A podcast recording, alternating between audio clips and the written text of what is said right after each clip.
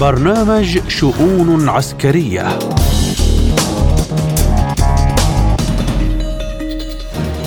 من إذاعة سبوتنيك بموسكو أرحب بكم مستمعينا الكرام في حلقة جديدة من شؤون عسكرية. أقدمها لكم اليوم أنا محمد جمعة وأبدأها بالعناوين.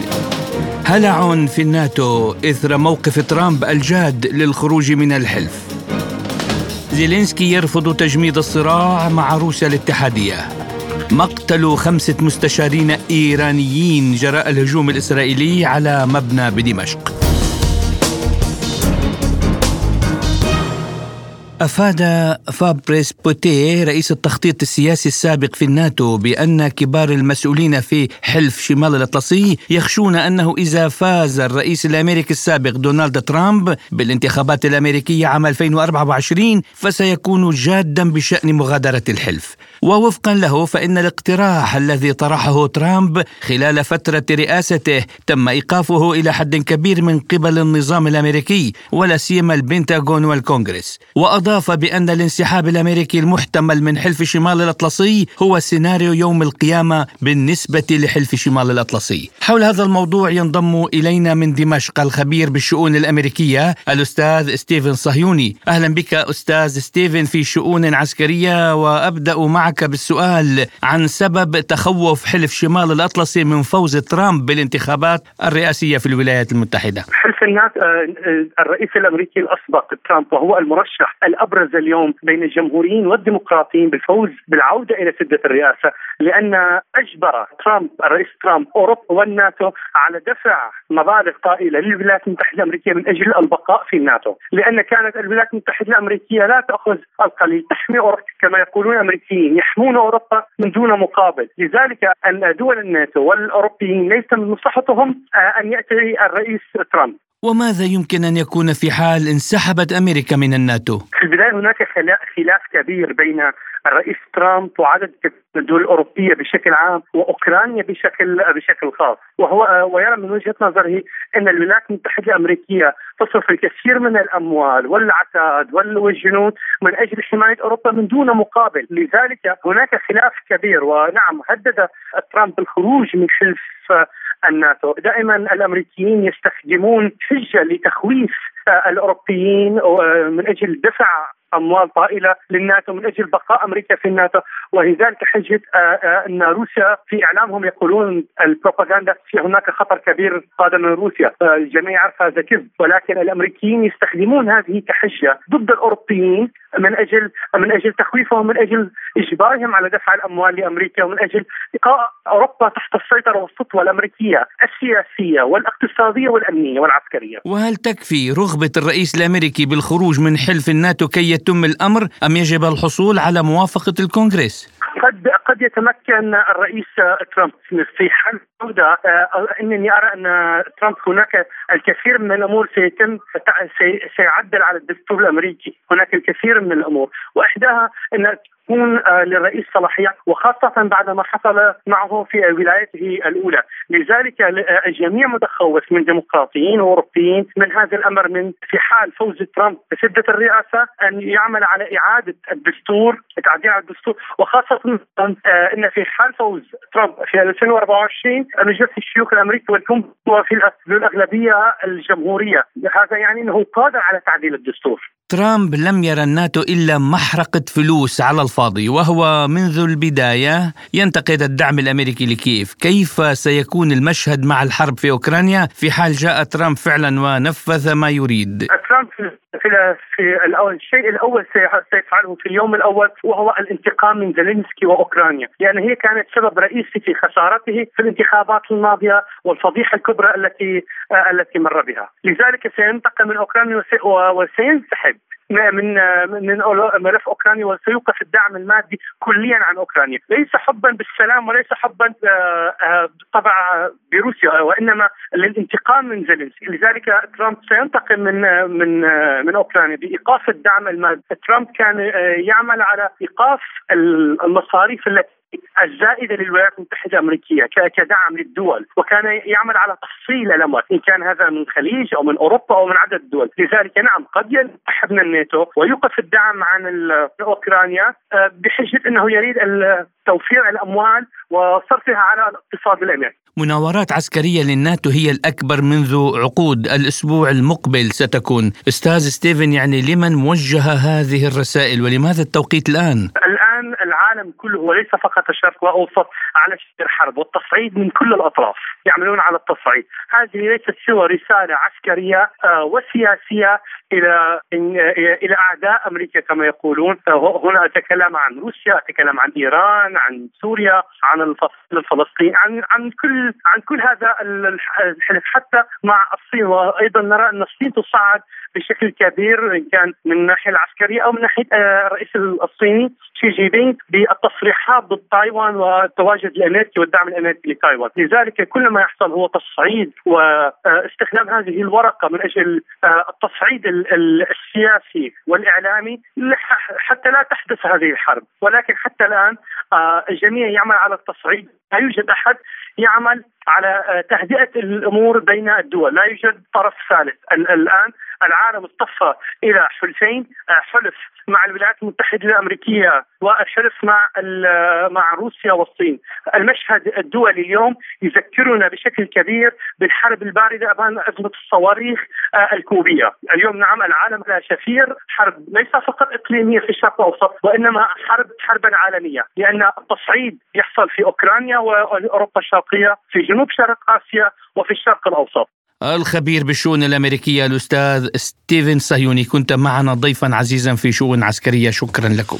وحول هذا الموضوع ينضم إلينا أيضا من جنيف الخبير بالشؤون الأوروبية والدولية الدكتور موسى عاصي، أهلا بك دكتور موسى في شؤون عسكرية وأسألك أيضا عن هذا الهلع الذي يسود حلف الناتو في أعتاب الانتخابات الرئاسية الأمريكية القادمة التي من المرجح أن يفوز فيها ترامب. الخوف لدى حلف شمال الأطلسي ولا سيما الدول الأوروبية في هذا الحلف من أن يطبق دونالد ترامب تهديده القديم بالانسحاب من حلف شمال الأطلسي وترك هذا الحلف آه، لأنه يعتقد بأنه بأن لا جدوى من هذا الحلف خصوصا وأن الدول الأوروبية هي التي تستفيد من وجود هذا الحلف والولايات المتحدة الأمريكية لطالما انخرطت في حروب ونزاعات وفي حماية الدول الأوروبية بشكل خاص من دون أن يكون للولايات المتحدة أي استفادة. هذا طبعا آه، آه، ينطبق على سياسة دونالد ترامب التي تقوم على شعار الولايات المتحدة اولا والرئيس الأمريكي السابق السابق يعتقد بأن الأوروبيين يستفيدون من الولايات المتحدة في هذا الإطار وهو في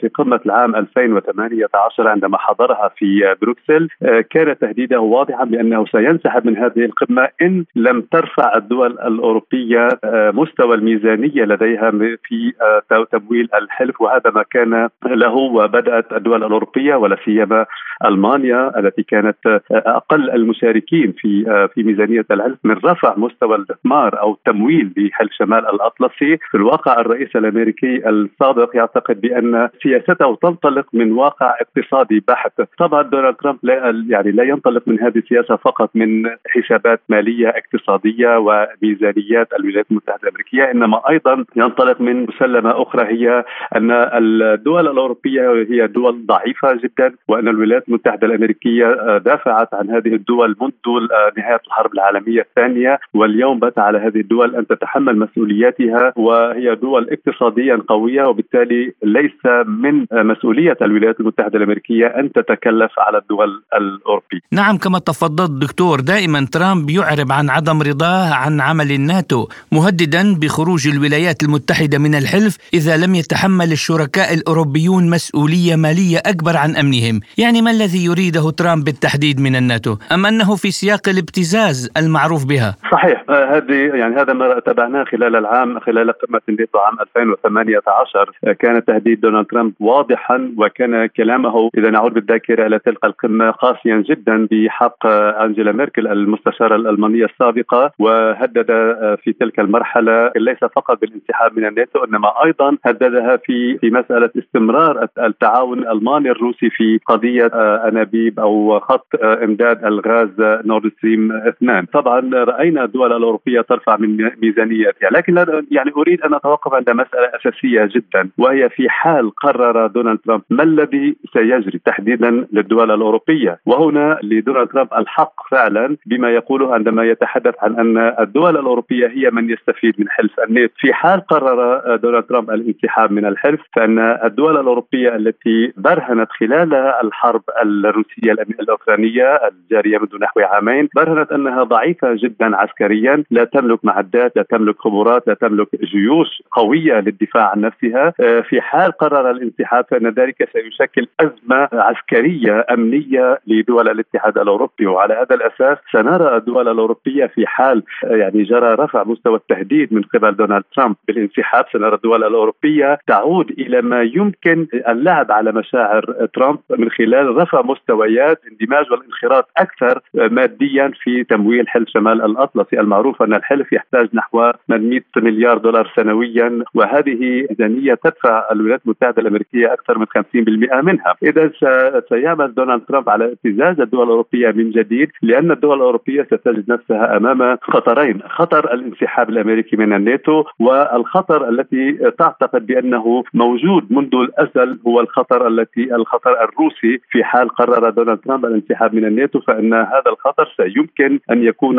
واقعا من وجهة نظر الاوروبي. طيب في حال فاز ترامب في الانتخابات القادمة كيف سيكون تأثير ذلك على مجريات الحرب في أوكرانيا؟ في حال قرر الانسحاب من الحلف فإن الميزانية العسكرية المخصصة لأوكرانيا أو التي يخصصها الرئيس الحالي جو بايدن لأوكرانيا ستسقط فعلا اليوم آه، آه، جو بايدن يطالب بالأموال 50 إلى 60 مليار دولار لأوكرانيا ولكن الكونغرس الأمريكي يرفض الطلب الرئاسي في حال فاز ترامب فإننا سنكون أمام نوع من التقاطع في المواقف بين الإدارة الأمريكية بين البيت الأبيض وبين الكونغرس الأمريكي على وقف آه، تمويل الحرب الأوكرانية الروسية. وبالتالي ستجد الحكومة الأوكرانية نفسها أمام مأزق والدول الأوروبية أيضا ستجد نفسها أمام مأزق. اليوم تحل ألمانيا بشكل رئيسي محل آه، الولايات المتحدة الأمريكية في آه، تمويل الحرب الأوكرانية في إرسال المعدات العسكرية والدعم المالي لأوكرانيا. وألمانيا هي الدولة الثانية بعد الولايات المتحده الأمريكية في تمويل الحرب الأوكرانية. في حال توقف الدعم الأمريكي لحلف شمال الأطلسي فإن ألمانيا وفرنسا والدول الأخرى ستلتفت عند ذلك إلى تحصين أمنها بشكل أولي وبشكل خاص. وبالتالي ستتحول مسألة مساعدة أو دعم أوكرانيا العسكري إلى اهتمام في الدرجة الثانية أو الثالثة وربما أبعد من ذلك. وعلى هذا الأساس ستجد أوكرانيا نفسها معزولة من دون مساعدات أوروبية وبطبيعه الحال من دون مساعدات أمريكية. هذا سيشكل عبء كبير على الحكومة على كييف. وسنجد أيضا أن الأوروبيين سيحاولون التخفيف من لهجة العداء لروسيا لأنهم يريدون نوع من الاستقرار مع مع الروس في حال انسحاب الولايات المتحدة الأمريكية من الناتو. علينا لا ننسى أن في معاهدة حلف شمال الأطلسي هناك بند هو البند الخامس الذي يقول بأنه في حال تعرض دولة من أعضاء الحلف لهجوم خارجي فإن كل دول حلف شمال الأطلسي ستتوحد خلف هذه الدولة وستدافع عنها وهذا ما دفع بكييف منذ سنوات لمحاولة الدخول إلى حلف شمال الأطلسي في حال انسحاب الولايات المتحدة الأمريكية من الحلف فإن إذا قامت روسيا بضرب القواعد العسكرية أو مراكز الذخائر الأوكرانية الموجودة في رومانيا على سبيل المثال وفي بولندا على سبيل على سبيل المثال فإن الولايات المتحدة لن تتدخل عسكريا عند هذا الأمر. الخبير بالشؤون الأوروبية والدولية الدكتور موسى عاصي كنت معنا ضيفا عزيزا في شؤون عسكرية شكرا لكم وحياكم الله. وإلى أوكرانيا في ملفنا التالي حيث صرح رئيس مكتب رئيس أوكرانيا أندري ايرماك بأن انتقال أوكرانيا إلى استراتيجية دفاعية عام 2024 أمر مستحيل. ووفقا للإعلام الأمريكي إن رفض الرئيس الأوكراني إجراء محادثات سلام مع موسكو عرقل فرصه في جذب التمويل من كبار المستثمرين الغربيين في المنتدى الاقتصادي العالمي في دافوس. يدعو الغرب طبعا باستمرار روسيا الاتحادية إلى بدء المفاوضات التي التي تبدي موسكو استعدادها لها ولكنه الغرب أي في الوقت نفسه يتجاهل رفض كييف المستمر للدخول في الحوار. وللحديث أكثر حول هذا الموضوع نستضيف معنا الباحث في الشأن السياسي الدكتور أحمد زين. أهلا بك دكتور أحمد في شؤون عسكرية. أهلا وسهلا بكم. وأبدأ معك مما قاله رئيس مكتب زيلينسكي بأن أوكرانيا لا تقبل تجميد الصراع مع الاتحاد الروسي. يعني هل يمتلك نظام كييف الموارد اللازمة لمواصلة الحرب؟ يعني طبعا كييف الآن في وضع خطير جدا أنها الآن بدأت يعني تتلقى الهزائم في الميدان وهناك يعني بدأ الغرب يتراجع عن دعم أوكرانيا خصوصا انها بدأت يعني الغرب تعب من هذه المواجهة ومن تقديم الأموال الغير محدود إلى إلى روسيا إلى عفوا إلى أوكرانيا ولذلك هناك بدات الأصوات تتعالى في في الاتحاد الأوروبي وفي الدول الغربية الداعمة لأوكرانيا بأن يعني الحرب لا جدوى منها وهذه الأموال التي تصرف من ضرائب المواطنين الغربيين. بدأت هناك الشعوب الغربية يعني تتظاهر ضد حكامها لوقف الدعم اللامحدود لأوكرانيا ولإيجاد حلول يعني تساعد على إنهاء الحرب في أوكرانيا. فلذلك أوكرانيا الآن في وضع صعب جدا وهي خاصة أن يعني الحرب غزة أخذت كثير من من الأضواء عن الحرب الأوكرانية. فلذلك الآن بدأ زيلينسكي حتى هناك أصوات داخل أوكرانيا يعني بدأت في يعني تعلي صوت ضد زيلينسكي وتتهمه بأنه يعني أصبح هو يتجه نحو الاستبداد والاستعباد ونحو الحكم الفرد والديكتاتورية. منهم يعني عمدة كييف اللي هو كليتشكو التي بدأ يعني يقول بأن شعبية زيلينسكي بدأت تتضاءل وتنخفض. بسبب تصرفاته الخاطئة ويعني تفرده وعدم يعني يعني انتهاج سياسة واقعية بما أو مقاربة واقعية لمستقبل أوكرانيا والحرب في أوكرانيا. نعم دكتور في سياق متصل بالنسبة لترامب الرئيس الأمريكي السابق وعد بحل الصراع في أوكرانيا فور انتخابه رئيسا، ما مدى واقعية وساطة ترامب نظرا لحقيقة أن الإدارة الأمريكية لم تحل الصراعات قط بل حرضت عليها فقط. يعني طبعا ترامب معروف إن الآن هو في صراع مع على السلطة ولذلك هو يريد أن يعلي من شعبيته في أمريكا وهو يعني هذه من من دعوات انتخابية من هو يريد أن يحل المنطقة يعني القضية في الشرق الأوسط القضية الفلسطينية ويريد أن يحل قضية في في أوكرانيا وهو اعتقد إن أمريكا عاجزة أنها لم تستطع أن تقدم حلولا فيما قبل فلن تستطيع أن تقدم حلولا فيما بعد يعني في الانتخابات فلذلك الآن هو هذه تعتبر دعوات يعني غير واقعية لأن الثراء في أوكرانيا هو من يحله هو الأوكرانيين والروس. لذلك من خلال التفاوض وال يعني الإجراء تسويات والاتفاق على مختلف القضايا الخلافية. ولذلك يعني أصبحت القضية أو القضية في في روسيا واضحة وضوح الشمس بأن ما تريده روسيا من خلال وتحقيق اهداف العملية العسكرية فهي هي فقط لعدم انضمام أوكرانيا إلى حرب الناتو ونزاع السلاح الذي يهدد الأمن الروسي ويعني القضاء على النازيه الجدد، النازيين الجدد الذين بدأوا يهددون الأمن روسيا ويهددون الأمن والسلام الدوليان في منطقه الشرق الأوسط وفي أوروبا وفي كل العالم. نعم الآن أوكرانيا في وضع لا تحسد عليه حقيقة، الآن كييف دكتور لاحظت عم تدعو الدول الأوروبية إلى إعادة اللاجئين الأوكرانيين إلى وطنهم، يعني هل توافق الدول الأوروبية برأيك على ذلك وخاصة في سياق الانهيار الوشيك لنظام كييف؟ يعني طبعا أوكرانيا الآن هي في وضع أنها يعني جنودها في وضع حرج جدا الآن في الشتاء القادم وهي يعني في النظام اللوجستي للقوات الروسية الأوكرانية كذلك هو ضعيف وهش لذلك هي تريد إعادة اللاجئين الأوكرانيين بسبب اقتصادها أصبح في يعني في انخفاض وهناك أزمة في الجيش الأوكراني تريد هي متطوعين للقتال وهي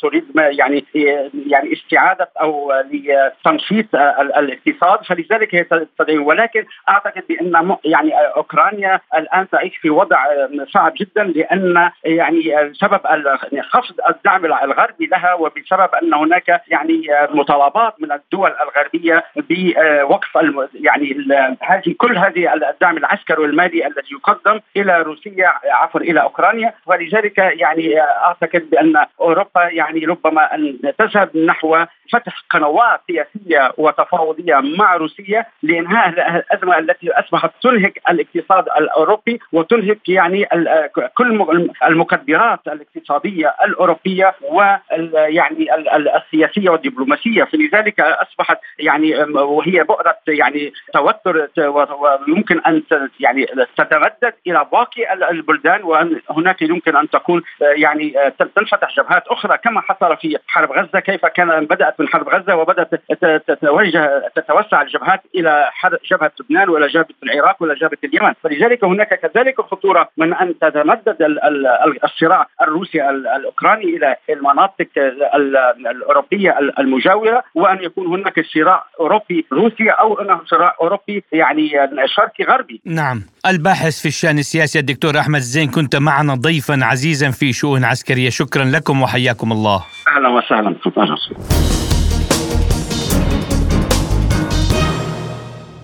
وإلى سوريا حيث أعلن الحرس الثوري الإيراني مقتل خمسة مستشارين إيرانيين من بينهم مسؤول الاستخبارات في فيلق القدس التابع للحرس الثوري الإيراني وعدد من أفراد الجيش السوري بالهجوم والعدوان الإسرائيلي الذي استهدف مبنى في دمشق. من جهتها اعتبرت الخارجية الإيرانية أن اغتيالهم يدل على عجز إسرائيل عن مواجهة المقاومة في غزة في الميدان وهي محاولات يائسة وبائسة لتوسيع دائرة التوتر وعدم الاستقرار في المنطقة. طالبت المحافل الدولية بإدانة هذا الاغتيال بشكل صريح وأكدت أن نشاط المستشارين العسكريين الإيرانيين في مكافحة الإرهاب وتأمين المنطقة سيستمر بقوة.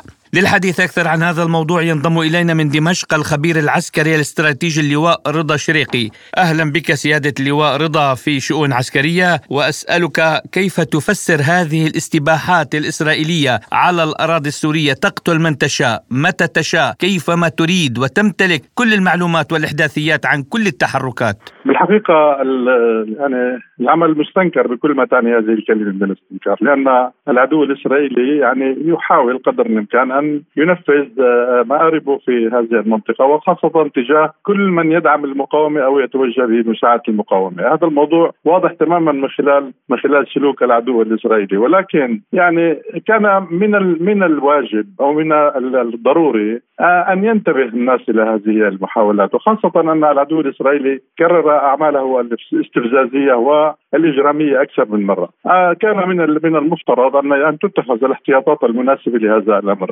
العدو الإسرائيلي آه، أعتقد أنه اليوم يعني يستفيد من كل المعلومات التي تريده من الداخل ومن الخارج ومن الاستطلاع الجوي ومن الاستطلاع الإلكتروني وإلى آخره لتحديد مواقع هؤلاء الشباب الذين يعملون كاستشاريين في في الجمهورية العربية السورية وهم قادمون إلى سوريا بأمر وبموافقة أو بطلب من الدولة السورية. وبالتالي يعني هذا الاعتداء يعتبر اعتداء على على على السيادة السورية. ومن هنا الجمهورية العربية السورية دائما تستنكر وتستعد وتعد لضربات انتقامية لهذه الأعمال. العدو الإسرائيلي لن يوفر لن يوفر آه، يعني آه، جهد أو إمكانية لتنفيذ لتنفيذها للوصول إلى مآربه في المنطقة وخاصة فيما يتعلق بتوجيه الضربات للمقاومة آه، التي تنهكه في الفترة في, في الوقت الحالي والتي تزعجه إلى ابعد الحدود وتهدد حتى كيانه بشكل كامل. وما هي الخيارات؟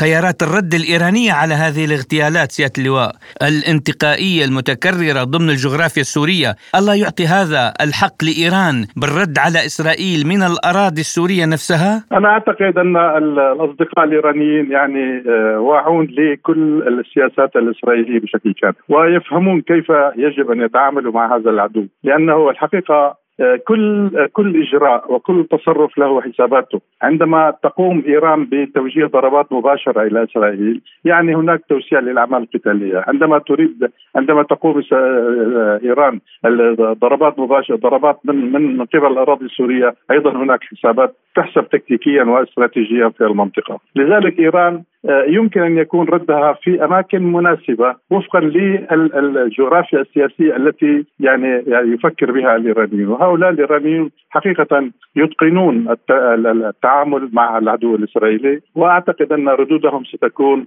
قوية جدا. و الرد الأساس في السلوك الإيراني بشكل عام الرد الاساس هو في عملية دعم المقاومات. المقاومة في العراق مدعومة من إيران المقاومه في اليمن مدعومة من إيران المقاومة في جنوب لبنان مدعومة من إيران المقاومة في غزة مدعومة من إيران. هذا الدعم يعتبر شكل من أشكال الرد على العدو الإسرائيلي بالإضافة إلى أن العدو لأن الأخ الأصدقاء الإيرانيين يمكن أن يكون لديهم أجندة خاصة في موضوع الرد على أهداف عسكرية مخصصة أو محددة للعدو الإسرائيلي في الوقت المناسب. وهذا هذا الأمر يمكن أن يعني نسمع به قريبا. هل ترى سيادة اللواء علاقة بين هذا العدوان الإسرائيلي بالهجوم الصاروخي الإيراني مؤخرا على أربيل؟ هذا شكل يعني هذا شكل من أشكال الردود. أعتقد العدو الإسرائيلي متواجد في أربيل متواجد في في الشمال الشرقي السوري متواجد في بعض الأماكن التي يعني هي سرية بالنسبة له والإيرانيين يعرفون البعض منها وبالتالي يوجهون لها الضربات المحكمة في يعني ضربة أربيل تعتبر ضربة نوعية وأعتقد أن الضربات التي يوجهها المقاومة العراقية في شمال شرق سوريا على الأهداف التي يعني بصبغتها العامة أمريكية ولكنها صهيونية بنفس الوقت، بنفس الوقت عندما نقول أن هناك ضربة على دمشق من قبل العدو الإسرائيلي، فهذا العدو الإسرائيلي لا يمكن أن يقوم بضربة بدون التنسيق مع مع العدو الأمريكي الذي هو الأصل، لأن الأمريكي يعني يهدف من وراء هذه الضربة إلى أهداف استراتيجية تمس بإيران وتمس في المنطقة بشكل عام، والعدو الإسرائيلي له أهداف أيضا استراتيجية وأهداف تكتيكية في المنطقة وخاصة حرب غزة كما ترى يعني ما زالت محتدمة لصالح أهلنا في فلسطين. الخبير العسكري الاستراتيجي اللواء رضا شريقي كنت معنا في شؤون عسكرية شكرا لكم وللحديث عن هذا الموضوع ينضم إلينا من طهران أيضا مدير المركز العربي للدراسات الإيرانية الدكتور محمد صالح صدقيان. أهلا بك دكتور محمد في شؤون عسكرية وأسألك ما هي الأنشطة التي يقوم بها الإيرانيون في سوريا حتى تكون إسرائيل مضطربة بهذا الشكل وتلاحقهم بالاغتيالات وكيف سيكون رد إيران على الهجوم الإسرائيلي الأخير؟ وهل ستتمكن إسرائيل من جر إيران إلى نزاع عسكري في ساحات المنطقة؟ هناك تجارب سابقة كانت باستهداف علماء نوويين إيرانيين مقتل مستشارين إيرانيين في سوريا وبالتالي هناك كثير من الأعمال العدائية التي وجهتها إسرائيل لإيران. سواء كان في داخل إيران أو في خارج إيران. الإيرانيون لا يردون بشكل مماثل لا يردون الاغتيال بالاغتيال وهم والرد الإيراني عادة لا يتسم بالتهور العجلة الاستعجال وإنما تكون ضمن حسابات ومقاسات مدروسة وبالتالي ليس بالضرورة أن يكون الرد الرد بالمثل. يعني يجب علينا أن لا نتوقع أن يكون الاغتيال باغتيال أو قصف بقصف لكن بالتأكيد إيران تراقب الفعل الإسرائيلي في المنطقة في داخل الأراضي الفلسطينية المحتلة وهناك خيارات عديدة ترد بها إيران على الاعتداءات الإسرائيلية. دعني أشير بشكل واضح إلى إن استهداف قادة عسكريين مستشارين في سوريا أو في غير سوريا استهدافهم معنى ذلك بأن هناك عمل تقوم به إيران. والعدو الإسرائيلي يستهدف من يقوم بهذا العمل الموجه المقاوم لإسرائيل. وبالتالي عندما أقول بأن الرد الإيراني ربما لا يقتصر بنقطة معينة أو بأسلوب معين أنا أعني ما أقول والرد الإيراني ربما لا يكون في لا يكون بالمثل وإنما يكون باتجاهات متعددة بمستويات متعددة. وفي نهاية المطاف إيران تريد أن تؤثر على الأمن القومي الإسرائيلي تريد أن تؤثر على الوجود الإسرائيلي وليس بأشخاص أو غير ذلك. طيب لماذا إسرائيل تستطيع التحرك في الأجواء السورية والقيام حتى باغتيالات فردية بلا أي رادع؟ هذا صحيح جدا. يعني هذا شيء أمر لافت أنه تستطيع إسرائيل أن تتحرك في الأجواء السورية في الأرض السورية استهدافات معينة، هذا يدعو إلى أن تكون هناك إعادة في المنظومة الأمنية الموجودة في سوريا وبالتالي ربما تكون هناك اختراقات. وأنا أعتقد بأن مثل هذه الاختراقات اختراقات طبيعية جدا تتناسب تتناسب مع الوضع العام في سوريا والأحداث التي شهدتها سوريا خلال العشر سنوات الماضية وبالتالي هي معركة مفتوحة. دعني أذكر بأن هذا رئيس الوزراء الإسرائيلي نتنياهو في يوم من الأيام هو ألقى القبض على وزير في حكومته بتهمة التخابر مع إيران وهو وزير في الحكومة الإسرائيلية. وبالتالي أنا أعتقد بأن هناك معركة مفتوحة بين إيران وبين الكيان الإسرائيلي. وهذه المعركة المفتوحة مفتوحة سياسيا امنيا عسكريا لكن هذا لا يدعو إلى التفكير جديا بعدم عدم إعادة صياغة الوضع الأمني للمستشارين الإيرانيين للوضع العام في سوريا أيضا. مدير المركز العربي للدراسات الإيرانية الدكتور محمد صالح صدقيان كنت معنا ضيفا عزيزا في شؤون عسكرية، كل الشكر والاحترام لكم. مستمعينا الأفاضل إلى هنا تنتهي حلقة اليوم من شؤون عسكرية كنت معكم أنا محمد جمعة.